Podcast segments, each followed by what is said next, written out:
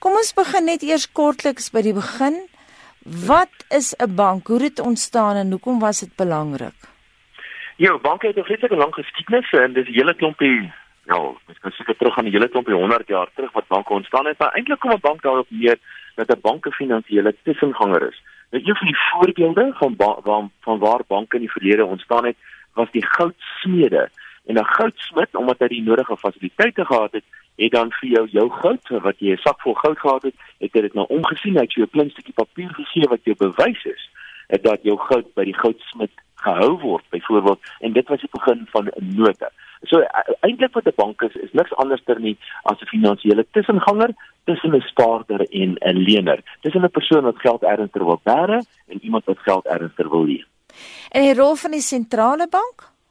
Die sentrale bank se rol het uh, eintlik vir die laaste 100 jaar of so uit sentrale banke werklik pas gespan gekom. Daar's enige die ouer sentrale banke, maar die rol van 'n sentrale bank in eenvoudige terme is letterlik om geld te maak. 'n Sentrale bank is 'n monopolie en slegs die sentrale bank word toegelaat om sogenaamde basisgeld te skep in jou ekonomie. Die res van die bankstelsel skep ook geld, dis 'n bietjie meer gekompliseer, maar sentrale bank begin die geldskepingsproses Dis een van hul funksies en een van die gewone ander funksies wat sentrale bank gewoonlik ook verrig, is dat dit hulle verantwoordelikheid om toesig te hou oor banke. Daarwie net hier in Johannesburg kan mens dit baie maklik sien, al hoe meer banktakke sluit. Hoe verskil die bankwese vandag in vergelyking met sê nou maar 50 jaar gelede? Ja, dit is dit dit het baie te doen met hoe geld verander het. Geld het oor die paar duisend jaar elke keer geëvolueer in iets nuuts in. Dan aanvanklik was geld in 'n fisiese vorm soos byvoorbeeld goud of later in die vorm van sien nou maar munte of note, maar geleidelik het geld verander en vandag bestaan die geld hoofsaaklik in digitale vorm. Geld bestaan eintlik maar net in 'n nulle en ene op rekenaars. Dis niks anders nie as inligting of inligting.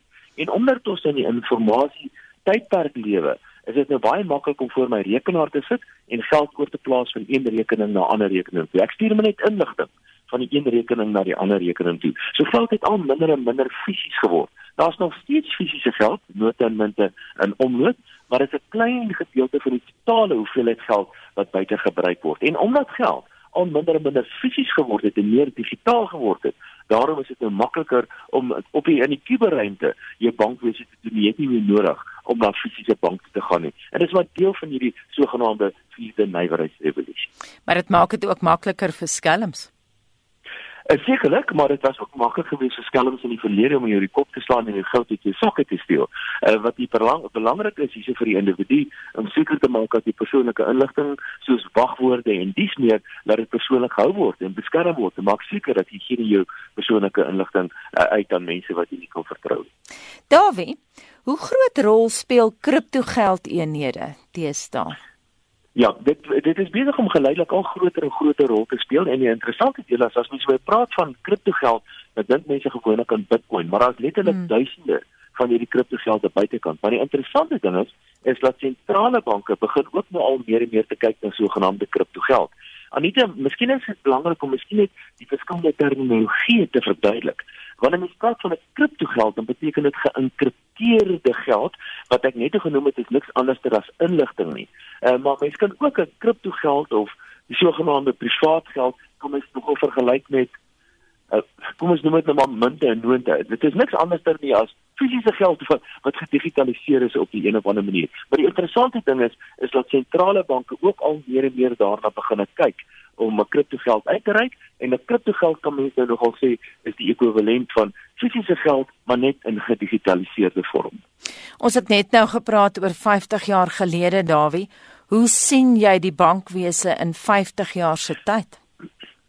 Een een van die kenmerke van sogenaamde kriptogeld is dat geld kan tussen een individu na die ander individu direk oorgeplaas word. So ek kan byvoorbeeld en ek is nie ek moedig mense nie aan om Bitcoin te koop nie, maar ek kan 'n Bitcoin van my telefoon af direk na jou telefoon te stuur sonder om van 'n bank gebruik te maak. Indien ek gewone rande gebruik, digitale rande wat deur die Reserwebank uitgereik word, dan sal ek altyd van 'n finansiële tussenganger soos 'n bank gebruik maak. Met ander woorde, as ek geld in jou rekening wil inbetaal, dan gaan ek nou gee ek my bankopdrag uh, om jou bankopdrag te gee om die geld van my rekening na jou rekening oor te plaas. Daar's altyd 'n bank tussen jou en my.